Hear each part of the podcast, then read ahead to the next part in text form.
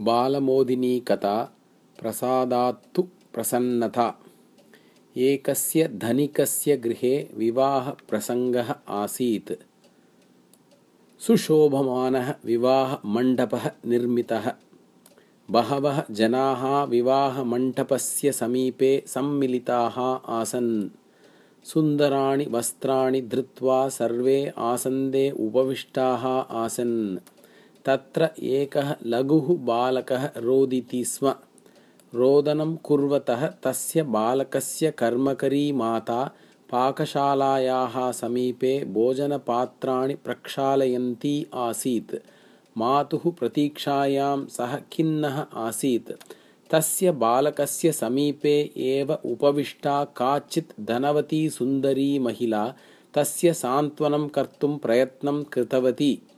किन्तु बालकस्य सन्तोषः न जातः समीपस्थः कश्चन सज्जनः अपि तस्य बालकस्य समीपम् आगच्छत्। सः महाविद्यालये मानसशास्त्रविषयस्य अध्यापकः। सः रोदनं कुर्वते बालकाय चाकलेहं दत्त्वा मधुराणि वचनानि अश्रावयत्। बालकाय प्रसन्नतां दातुं कृतः तस्य सर्वः अपि प्रयत्नः विफलः जातः महति प्रयत्ने कृते अपि बालकस्य रोदनं न समाप्तम्। तदनन्तरं रोदनं कुर्वतः तस्य बालकस्य माता तत्र आगतवती। सा स्वीयं पुत्रम् उन्नीय तस्य केशेषु हस्तं प्रसार्य हुलुलुलु इति उक्तवती। खिन्नः बालकः शीघ्रमेव प्रसन्नः जातः। जनन्याः स्कन्धे स्वमस्तकं निधाय सः बालकः मन्दहासं प्रदर्शितवान्।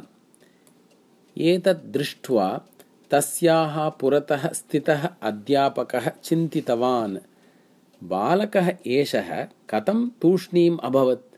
यत् कार्यं तया धनवत्या सुन्दर्या महिलया मया मानसशास्त्रिणा वा कर्तुं न शक्तं तत्कार्यम् एषा निरक्षरा निर्धना महिला लीलया कथं कृतवती इति। अतः सः अध्यापकमहोदयः तां पृष्टवान्। भवती यत् हुलुलुलु इति उक्तवती तस्य शब्दस्य अर्थः कः? तेन शब्देन एव बालकः प्रसन्नः जातः। तच्च कथम् इति। तदा सा माता अध्यापकम् उद्दिश्य उक्तवती भोः महाशय मम हुलुलुलु इत्यस्य शब्दस्य अर्थं ज्ञातुम् इष्यते चेत् भवान् मम पुत्रो भूत्वा आगच्छेत्। कश्चन स्नातकः धनिको वा भूत्वा कोऽपि कस्याञ्चित् जनन्याः शब्दम् अवगन्तुं न अर्हति।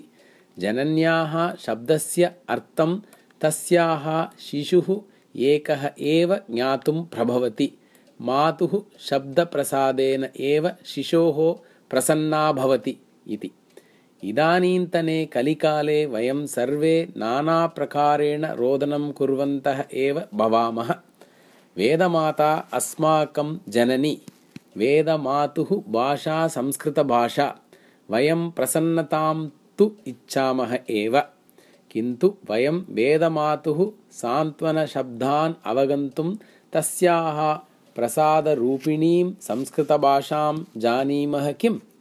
भगवत्पादैः शङ्कराचार्यैः उचितमेव कथितं तवापर्णे कर्णे विशति मनुवर्णे फलमिदम् इति